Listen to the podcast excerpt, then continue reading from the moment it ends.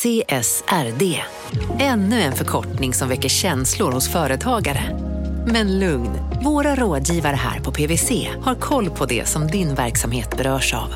Från hållbarhetslösningar och nya regelverk till affärsutveckling och ansvarsfulla AI-strategier. Välkommen till PWC. Ja, Hallå? Pizzeria Grandiosa? Jag vill ha en Grandiosa capriciosa och en pepperoni. något mer? Med kaffefilter. Ja, Okej, ses samma. Grandiosa, hela Sveriges hempizza.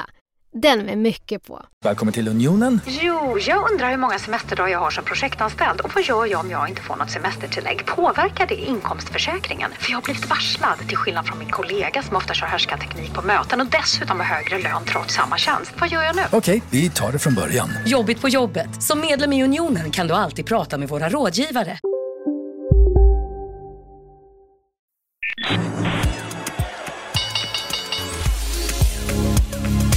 Det här är Marknaden med Helene Rothstein. Jag menar, jag har gjort allt det tunga jobbet. Tagit de stora kostnaderna, till och med lagervärdet på 9 miljoner på, på väg in i brevlådan, höll jag säga. Och eh, eh, de kompetenser där vi ska använda de här pengarna Hej och hjärtligt välkommen till podden Marknaden. Den här podden som tidigare hette Affärsvärlden Magasin.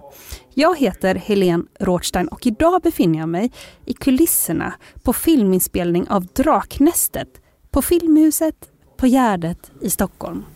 Så jag tycker ni ska spara era 6 fortsätta testa marknaden och sedan så eh, kanske ta in en, en stark.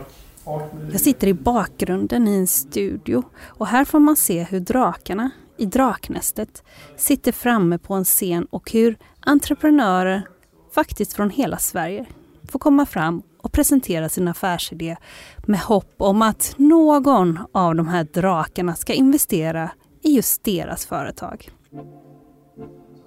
Just nu går det sisådär för några som precis dragit sin pitch. Tack ska du ha. Det är Jakob De Geer som har ordet. Han är en av fem drakar som är med i denna SVT-produktion. Han är tech-entreprenören som gjorde en omtalad exit när han sålde kortbetalningsbolaget iSettle till Paypal för nästan 20 miljarder kronor. På scenen sitter även Lena Apler, affärsängel och bland annat grundare av nischbanken Collector. Och sen har vi Sara Wimmerkrans, en av miljardbolaget Footways grundare som idag är investerare och driver Backing Minds som investerar just i startups. Och sen har vi Shervin Rassani som också är med i år igen. En ganska generös drake och grundplåten för hans kapital det kommer framförallt från rekryterings och konsultbolaget Jurek. Men idag så driver han även hotell och lite andra verksamheter. Även Jonas Eriksson är på plats denna säsong. Det här är en av Sveriges absolut mest kända fotbollsdomare som han var tidigare. Han har också vid sidan av den karriären gjort en eh, lyckosam exit med ett bolag som ägde tv och sporträttigheter och nu är han faktiskt igång med liknande företagsidéer. Men han driver också en hälsokedja och gym som heter We och parallellt med det så gör han alltså investeringar i olika startups. Under pauser under den här inspelningsdagen så kommer jag prata med var och en av drakarna om vad de letar efter just den här säsongen och vad de generellt tittar efter när de investerar i onoterade bolag. Vad heter du? Sara Wimmerkrans. Nu slängde du ut ett gäng här. Ja, ja, men jag tänkte att de, de bara väsnas och har sig, det är som vanligt. Vi är här nu eh, i Filmhuset, vi spelar in Draknästet och det är bara fyra pitchar kvar av 45 hörde jag precis. Hur har det varit? Ja, men en total mangling från tidig morgon till sen kväll, men så spännande. Alltså Sverige har så mycket häftig, häftiga entreprenörer och idéer och drömmar och vi vill bara att, att det här ska signalera till alla att man kan och nu kör vi. Har du själv investerat mycket den här säsongen?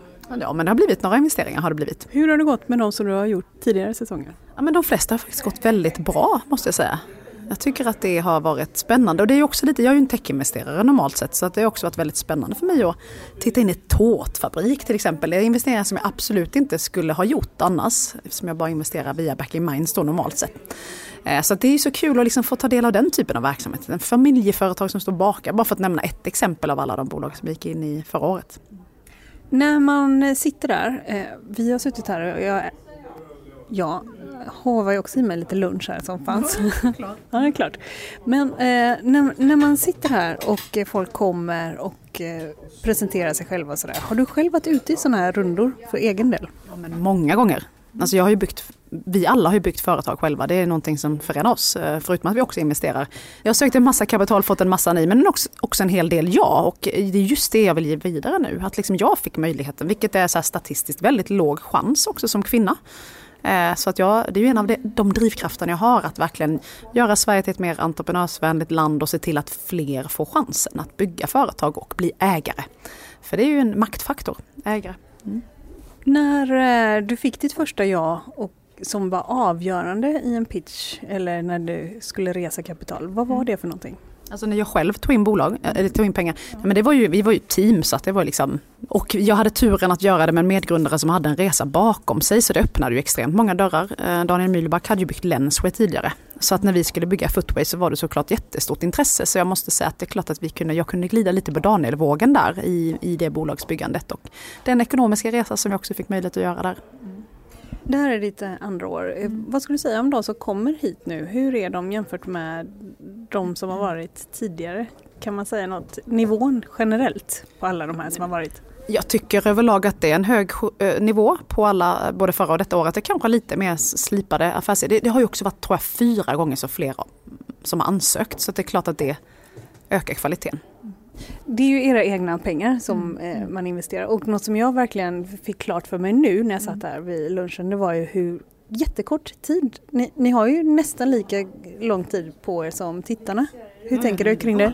Det är galet, vi får absolut ingen information tidigare. Det är helt stängt mellan oss och entreprenörerna som ska in i studion. Ingen information, utan vi sitter där och den sekunden entreprenören kommer ner för trappan är det första vi vet. Det är det första som får. Sen har vi 45 minuter på oss att ställa de här relevanta frågorna kring allt från vad är det här för idé, vad ska du göra, vilka eh, KPIs, liksom, följer du, hur ser det ut framåt? Alltså allt från siffror till skulder till allt som man måste ta reda på har vi på oss på de här 45 minuterna. Sen klipps det ner till jag tror 10-11 minuter och det är klart att det är lite mer tittarvänligt där. Eh, om man tittar på tidigare säsonger så kanske när man liksom bara jätte, jättedjupt i, i siffrorna så skulle man ju liksom tappa tittarna. Men det, vi är jättemåna om att förklara att det finns ju där. Man, liksom, vi köper inte vad som helst utan vi vill att siffrorna stämmer och att man kan sin affär och sin kund. Eh, och för min del och sin hållbarhetsprofil och förstå sitt avtryck. Det har väl blivit mitt signum här inne att ha en liten så mer holistisk syn till, kring liksom, påverkan i produktionsledet och liksom, ja, hållbarhet har blivit, de kallar mig för miljömamma och glirar mig lite men liksom, vi har olika profiler och olika intressen, så är det mm. Vem är snällast här bland investerarna skulle du säga? Alltså det, alltså det kan vara jättesnällt att vara hård. Att faktiskt ställa, ställa jätte, liksom, både svåra frågor men också ge feedback på vägen. Att, så på, av den här och den anledningen så tror jag inte att detta fungerar och därför skulle jag om jag vore dig göra så här och så här. Jag tror att vi alla har det i oss och, och, och det tycker jag är att vara snäll. Eh, sen kan det ju vara så att den som investerar mest, det är Kärvin. och ibland tror jag att han förvånar sig själv. Eh, han ser lite chockad ut efteråt och bara vad hände liksom. Så att, så att liksom, eh, han är men, men, vi, men, en härlig mix av att kolla på, på siffror och även kunna liksom låta känslorna, entreprenörens vad ska man säga, styrkor eh, också blända en. Det, har hänt, det hände mig också förra året att jag hade en jättebra plan. Jag skulle absolut inte gå in i en viss typ av bolag och efter en sekund sitter man där och tittar, tittar liksom in i en tårtproduktion liksom, av eh, ja, men, frusna tårtor. Who would have thought? så kan man säga. Är detta privat eller är detta backing mindset? Nej, men så att jag i, i Draknästet så äh, investerar jag privat. Utanför Draknästet investerar jag bara via Backing Minds. Mm. Som är ett bolag som jag grundat tillsammans med Susanna Jaffe. Och vi har ett gäng som jobbar där. Så att det är liksom, jag har två, det här är ju ett sidogig för mig. Det är ju Backing Minds som är mitt liv och min legacy. Liksom. Så det här är en jätterolig grej. Och, och det som Backing Minds och Draknästet ändå delar, äh, det är ju att driva den här vad ska man säga, förändring i Sverige där fler får ta del av kapitalet, fler känner att entreprenör är möjligt och tillgängligt också för mig. Så att det var därför jag, eller vi diskuterade såklart och jag valde att tacka ja för att jag ser att det är lite samma mål som jag har. Vid sidan av hållbarhet, har du något nyckeltal du tittar på? Ja men jag tittar ju på alla de viktiga. Jag har ju e-handel som bakgrund så jag vill ofta veta alltså, hur mycket kostar en kund. Och vad heter det, en ny kund, vad heter det? hur mycket kostar det att få en kund? Ja men som kacken liksom. Ja, man pratar, så, ibland så får man kanske översätta så att alla förstår. Mm. Men, och jag kollar också gärna på så den typen av KPIs som omgår det. Hur länge tror du att du kan, alltså LTV, hur länge tror du att kunden kan betala dig? Letar efter, liksom, har du några recurring revenues? Alltså lite allt det där kring den här affären som som finansiellt kan berätta för mig om det är bra eller inte. Så det skulle jag säga att jag är nog väldigt liksom lik en investerare. Sen ska man se sen på TV att det är en del som alltid får ta som sin uppgift att just där inne bara på siffrorna. Men det betyder inte att inte alla bryr sig.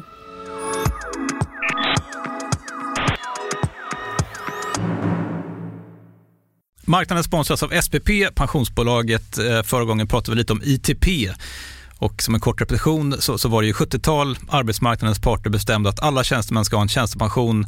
Man kom överens om vilka villkor som ska gälla i den här pensionen och så kallade man den för ITP. Så jobbar man idag som tjänsteman i ett företag med kollektivavtal, då har man förmodligen den här pensionen, ITP-pensionen.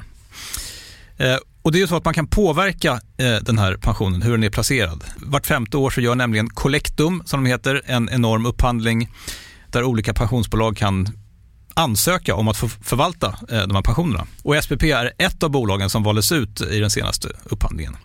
Och sen kan du som pensionssparare välja eh, vilket av de här olika pensionsbolagen som, som då ska få ta hand om dina pengar. Och tanken med den här upphandlingen är ju att liksom kvalitetssäkra de här olika alternativen eh, men också att förhandla fram stora rabatter så att pensionsspararna ska få ja, kunna spara pengar genom att avgifterna eh, som är så viktiga eh, blir eh, lägre. Och vill man välja någonting i ITP-systemet då finns det en relativt ny sajt som heter avtalat.se. Ehm, där kan man gå in och se hur sin ITP-pension är placerad. Jag gjorde det häromdagen faktiskt. Ehm, idén är att hälften av pengarna alltid ligger i något som kallas för traditionell försäkring. Det här gjorde vi ett avsnitt om i podden Kapitalet nyligen eh, som vi kallade världens bästa sparform. kan man lyssna på om man är intresserad. Eh, den andra halvan eh, den kan man också lägga i en traditionell försäkring eller så kan man placera det i något som kallas för fondförsäkring. Eh, SPP som sagt eh, var ju ett av de fåtal bolagen som valdes ut i den senaste upphandlingen och de finns med som alternativ både med en traditionell försäkring och med eh, fonder. Så det var en liten bakgrund till ITP-systemet. Vill man läsa mer om det här eller typ kolla hur ITP-pensionen är placerad, eh, kanske göra förändringar, då går man in på avtalat.se. Eh, men tack säger jag till SPP som vill göra oss människor mer medvetna om hur enormt viktig pensionen är för oss som en framtida lön, men också som en positiv kraft i samhället eh, och förstås för att ni möjliggör eh, den här podden Marknaden.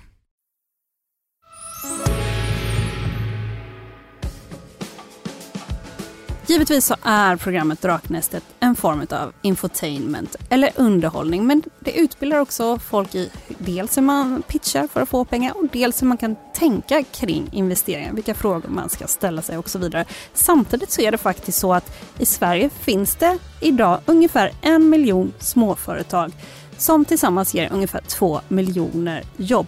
Och man brukar också lyfta fram att det kan vara problem att få kapital för att kunna växa ytterligare. Så det är också en central fråga hur man gör för att få pengar som småföretagare. Det är också så att de små företagen har stått för fyra av fem nya jobb under de senaste 30 åren.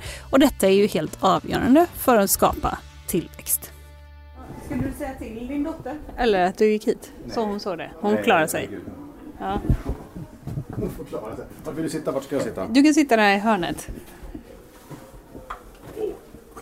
Hallå, vem sitter jag med här? Här sitter du med Jonas Eriksson. Och vem är du? Jag är... Eh, oj, vad är jag egentligen? Det är en bra fråga. Uh, här är jag i egenskap av entreprenör, investerare och en av de fem drakarna i Draknästet. Har du hittat många bolag att investera i här nu? Ett gäng bolag. Ungefär lika många som jag hade trott så här långt. Vi har en del pitchar kvar så det kan ju bli fler investeringar men ungefär så många som jag hade trott och tänkt innan jag kom hit på en gissning. Vad letar du efter själv då? Men jag letar efter en entreprenör som står där framför mig med glöd, passion, kunskap och någon som har en produkt, en tjänst, någonting som öppnar upp dörren för något nytt. Som jag kan se, det här kan växa och jag kan hjälpa till. Inte bara med mitt kapital utan kanske med mitt kunskap, nätverk, erfarenhet eller annat som gör att det kan gå lite snabbare framåt till det mål man har. När man kommer in här i Filmhuset, det är första gången jag är här till exempel. Hur är det att sitta i sån här produktion? Det är mycket, mycket mer jobb än vad man tror. Man tror att man ser på tv eh, fem avsnitt, pang, rakt in, rakt ut. Men vi sitter ju här en hel vecka. Från sju på morgonen till sju på kvällen. Eh, pitcherna är långa, det är ganska lång tid mellan pitcherna, det är väntan.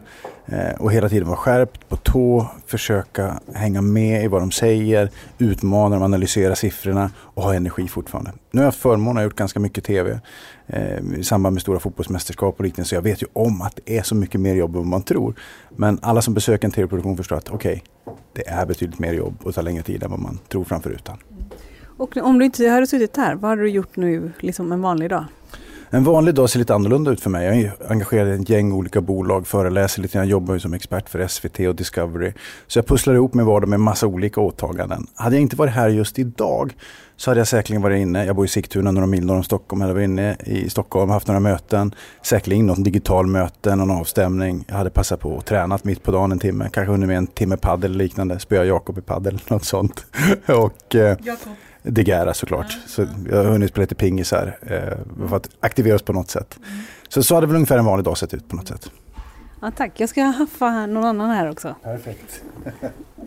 Eh, börjar det snart igen eller? Ja, det kan du göra, men herregud, det, det, det är inte så. Jag är inte mickad ännu som du ser. Ja, just det, så då är det lite tid kvar. Nej, men ta någon. Ja. får komma hit och se till och då ja. avrundar på ja. ja. Det är inte så millimeter. Du, vad säger du om Sverige inte med i VM nu då? Eh, jättetråkigt. Eh, var det väntat? Ja, det var lite konstigt den matchen va? Det, det var konstig match. Det var ju rättvist sportsligt sett. Vi, vi var ju ja. ungefär på den nivån. Ja. Man slarv. Vi, vi var med 2016, vi var med 2018, vi var med 2021. Ja. Att vi står över ett mästerskap det är ganska vanligt historiskt sett. Vi har inte spelat VM 2010, inte 2014. Så vi har ingen självklarhet att vara med. Men det är tråkigt för vi är så vana att när vi sitter där, vi jublar, vi hänger med. Och, och det är liksom, alla tittar på det. Även de som inte tittar på fotboll i vanliga fall. Nu blir det inte så. Så nu får vi ta, knyta den där näven i fickan och försöka komma tillbaka. Ja, ja men det är tråkigt. Draknästet har kommit med olika drakar på SVT. Första gången var 2009. Sen kom man tillbaka senare 2014 och därefter så kom det tillbaka i SVT 2021 och då var det också med samma drakar som är med i år. Ett exempel som brukar lyftas fram som just framgångsrikt efter medverkan i Draknästet, det är streamingbolaget Storytel, där en av medgrundarna, Jonas Tellander, var med 2009 och sökte investering. Hej, jag heter Jonas Tellander och är här för att presentera Storytel. Vi söker 2 miljoner kronor för 10 procent av bolagets aktier. Prosit. Tack. Och den som investerade var medieprofilen och investeraren Rickard Båge. Hej, samma hej.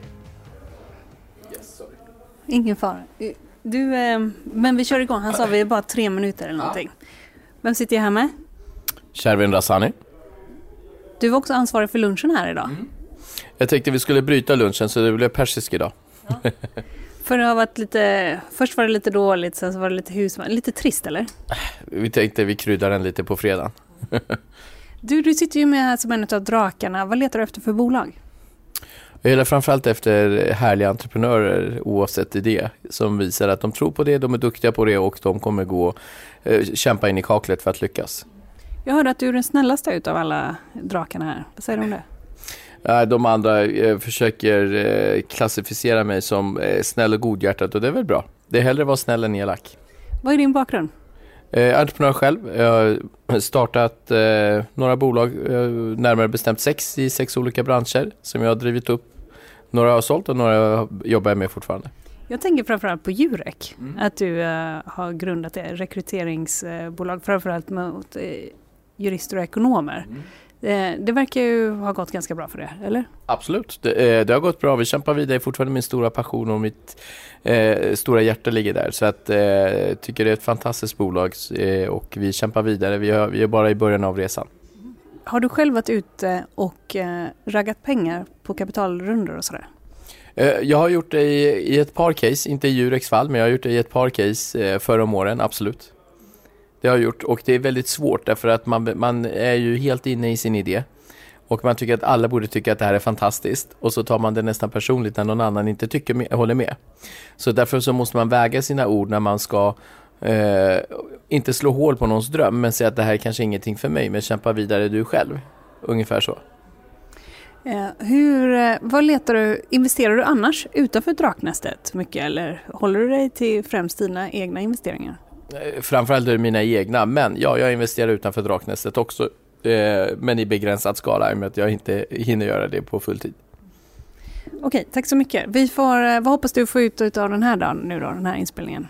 Ja, men jag, jag, jag hoppas att det kommer kittlande pitchar som man bara vill kasta sig över. Så det håller jag tummarna för. Det var ju väldigt kort tid som ni fick på er. Det var ju mer än vad jag fattat. Det var så himla kort. Att det verkligen var sådär. eh, Det är ju inte mer tid än vad man ser på TV. Nej. Kommer man in i det här rummet sen? Vet du det? Ja, vi kommer dit. Det, det, det är bara för oss.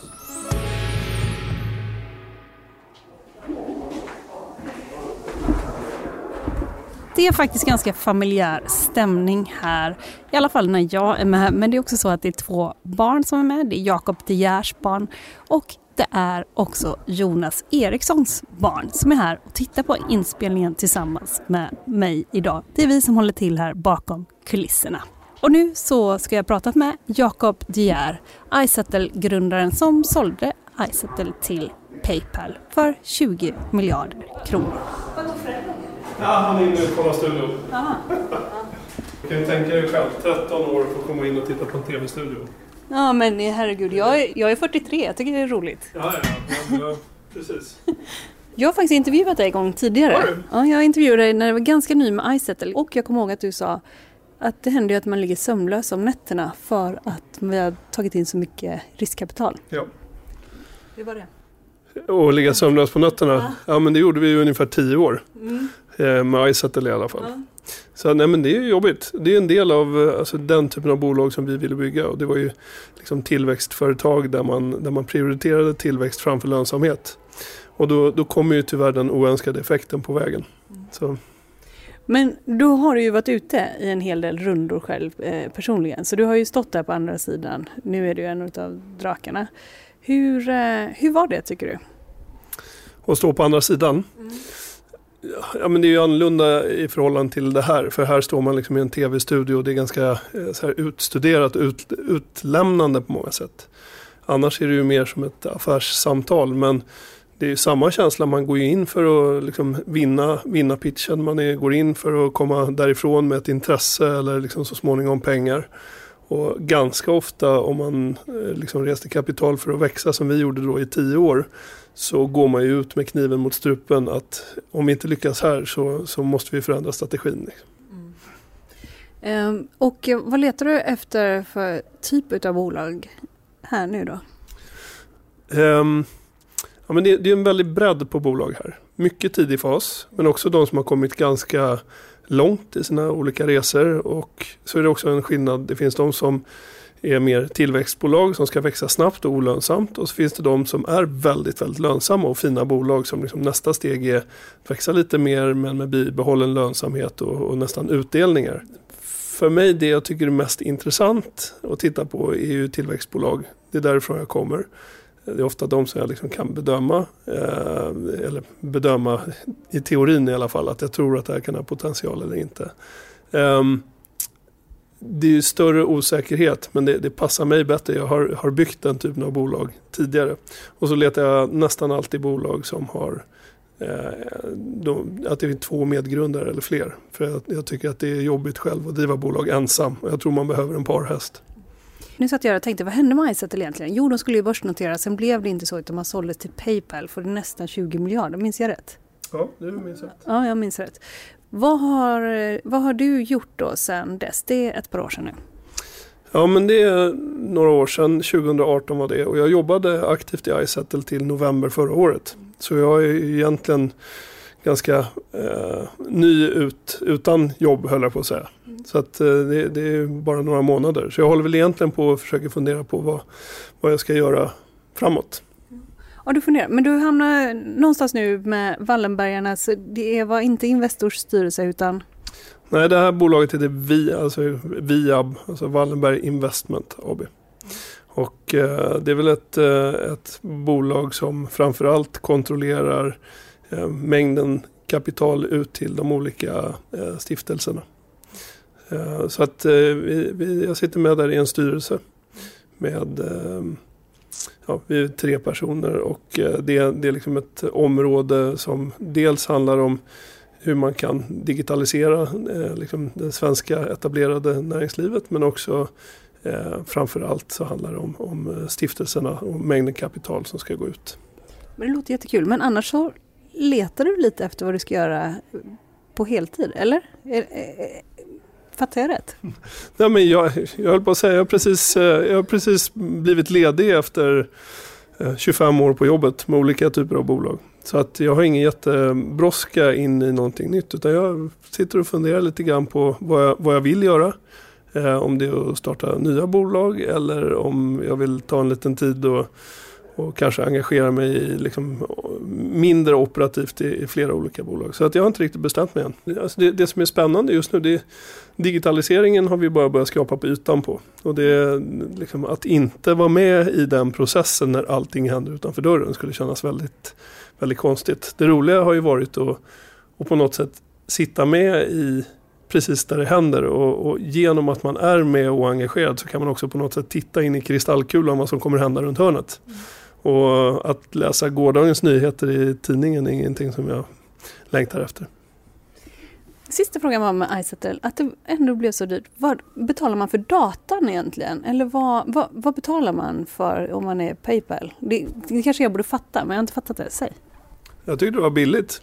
Ja, de, ja det tyckte jag. Eh, vi, vi, eh, alltså man får ju titta på hur Paypal och Izettle, hur vi kompletterade varandra.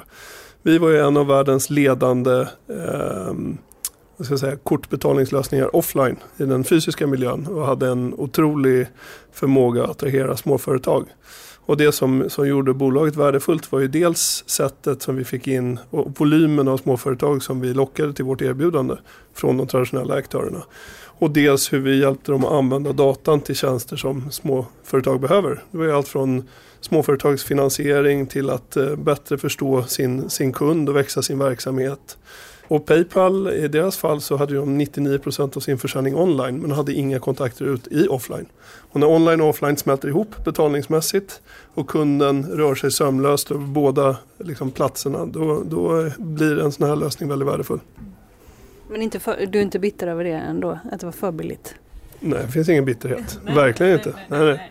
Nej, det var ingen bitterhet alls utan tvärtom. Jag tycker inte, om du, om du kollar, hade, hade Paypal köpt bolaget två, tre år senare eller någon annan med de, hur, så som värderingarna i, liksom, i världen förändrades från 2018 med pandemi och så vidare och räntor så hade det blivit betydligt dyrare. Sen kanske ingen hade gjort det, det vet man inte. Okej, det är fyra pitcher kvar av 45 va? nu som vi ska gå in i. Ja. Um, vad, vad hoppas du? Finns det något som är kvar här nu när det är fyra kvar? Alltså. finns något som är kvar? Ja, nej men det finns det säkert. Alltså ofta vad vi investerar i framförallt med tanke på att det ofta är tidig fas så är det ju entreprenörerna. Det blir ju så. Man tar ett bett på en person och liksom, snarare än att, att eh, Ofta är inte idén sådär jätteunik. Liksom. Det, är, det är ganska många som kommer på ungefär samma sak samtidigt. Eller så uppfinner man någonting som redan finns på marknaden. Man tar fram en tvål som kanske doftar lite godare eller har en annan egenskap. Men i slutändan så handlar det om människan. Men det ska bli kul att hänga med in och kolla hur det ser ut. Ja. Kom! Ja, då är det jag, det är jag och två barn. Exakt, två barn. Det är inte dåligt. Nej. När börjar ni? Hej. Eh, tio minuter. Ja, tio minuter. Då hinner jag en till.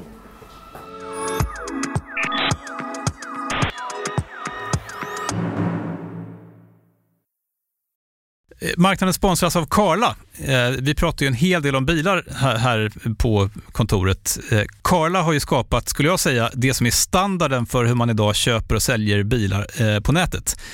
Eh, kort bakgrund bara. Eh, Karla säljer och leasar begagnade elbilar eh, och laddhybrider på karla.se.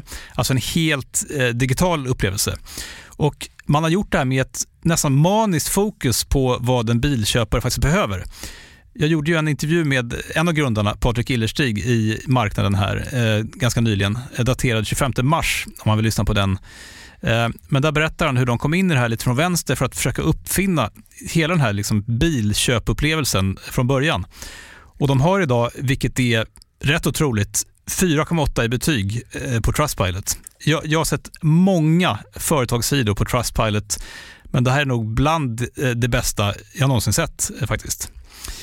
Man kan sälja bilen till Karla också. Då går man in på karla.se, delar lite info om bilen, sen får man en gratis värdering och ett bud. De hämtar bilen helt gratis i hela Sverige och så har man pengarna på kontot i samma stund som de hämtar bilen. Det är grymt. Eh, så ska du köpa en ny bil eller sälja din gamla, eller båda delar för den delen, gå in på karla.se och kolla. Alltså karla.se och Karla stavas med C. Tack så mycket till Karla.